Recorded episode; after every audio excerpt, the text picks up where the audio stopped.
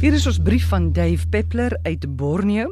Hy sê liewe Amore en luisteraars, ek staan hier aan die einde van Live the Journey se allerbeste toer, die een na Borneo.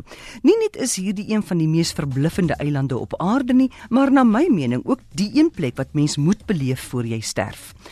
Ouer as die reënwoude van die Amazone, 150 miljoen jaar teenoor die Amazone se 120. Is hierdie eiland deurdrink van biodiversiteit op alle vlakke. Natuurlik kom mense hierna om die orang-outang te sien, miskien ook die sonbeer, maar die ware wonder lê in die kleiner goedjies, veral die insekte. Saans by enige buitelug verskyn die vreemdste goggas op aarde. Renosterkewers so groot soos muise. Muise so klein soos renosterkewers motte wat deur Fabergé ontwerp is, geitjies so groot soos katte, saksarel sê ek vir myself, dit fladder en glinster soos op 'n koraalrif.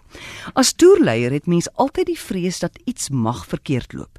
Nou oor die jare heen verbaas absoluut niks my meer as dit by gaste se ontsporings kom nie klagtes oor etes, stoele wat ineenstort en ouer gaste aan flarde steek.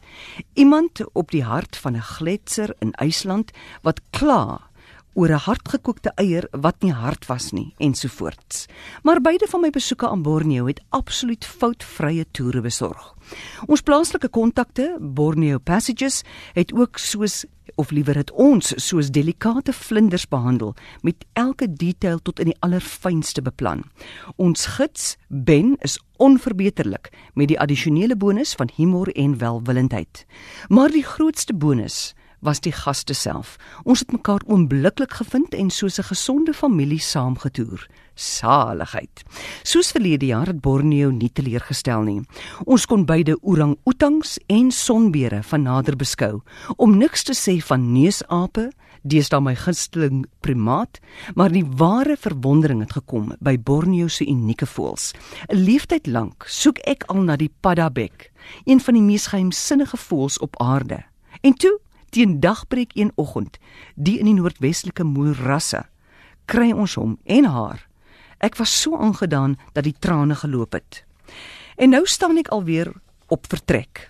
Skaarstuis vertrek ek weer Sondag na die bergwoude van Angola waar ek nuwe spesies gaan soek. So, tot volgende week wanneer ek uit Huambo rapporteer al my liefde en groete. En jy die, kan die ganse avontuur gaan beleef op sy Facebookblad gedokumenteer by davepeppler.co.za.